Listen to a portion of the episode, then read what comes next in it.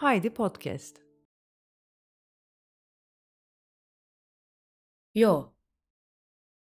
Öykü. Yazan Sevda Deniz Kareli.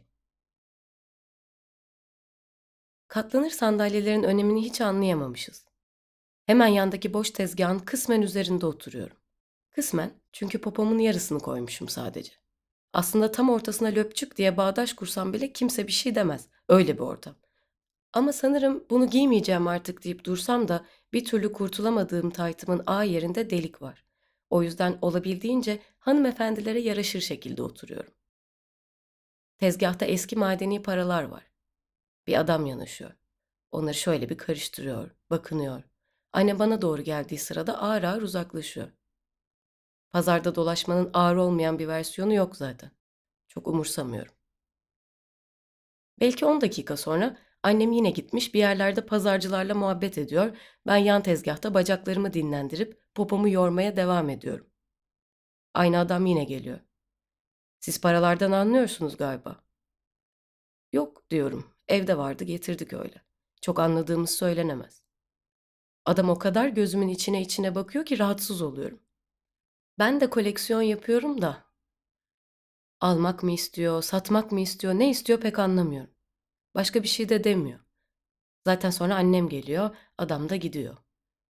Böyle tedirgin edici insanlardan hoşlanmıyorum. Aynı noktada yarım yamalak oturmaktan popom gibi içim de ölmüş. Annem yok. Adam geliyor. Kasetler bu kadar galiba. Yüzüne bakmadan başımı sallıyorum. Ne yapmaya çalışıyorsun acaba adam? Üçüncüye geldiği için sanırım uzatmıyor, direkt konuya giriyor. Siz genelde burada mı çalışıyorsunuz? Genelde ne demek? Bu pazar her gün burada değil. Pazarlar genelde her gün aynı yerde olmazlar zaten. Nasıl genelde burada çalışabilirim? Adama o kadar kıl olmuşum ki ne demek istediğini bilsem de her türlü ters cevabı verebilirim. Evet diyorum ama sadece. Asıl cevap hayır olsa da ben evet diyorum. Hayatımın yelpazesini açacak değilim sana. Evet diyorum. Yüzüne de bakıyorum bu sefer. Resmen şaşırıyor.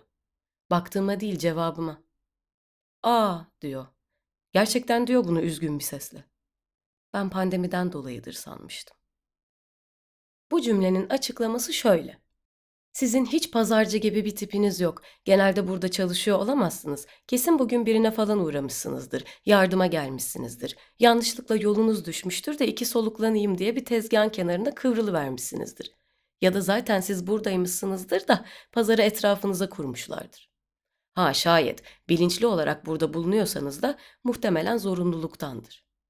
Pandemi hepimizi çok kötü vurdu. Parasızlıktan herhalde evde ne var ne yok toplayıp gelmişsiniz. Yoksa normalde yok yani bakıyorum ıı, sizde pazarcı tipi yok. Şimdi bu cümlenin bende karşılığı şöyle. O cümlelerin arasında bir yerlerde sen bana iltifat mı etmeye çalıştın? Pazarcı tipi olmamak bir iltifat mı? Genelde pazarcı olmasaydın bana emin adımlarla yürüyecek miydin? Ben gerçekten senin düşündüğün gibi pandemiden parasız kalıp pazarcılığa yelken açmış da olabilirdim. 1. Bunu gayet halimden memnun yapıyor olabilirdim. 2. Bundan anlamsızca gocunuyor olabilirdim.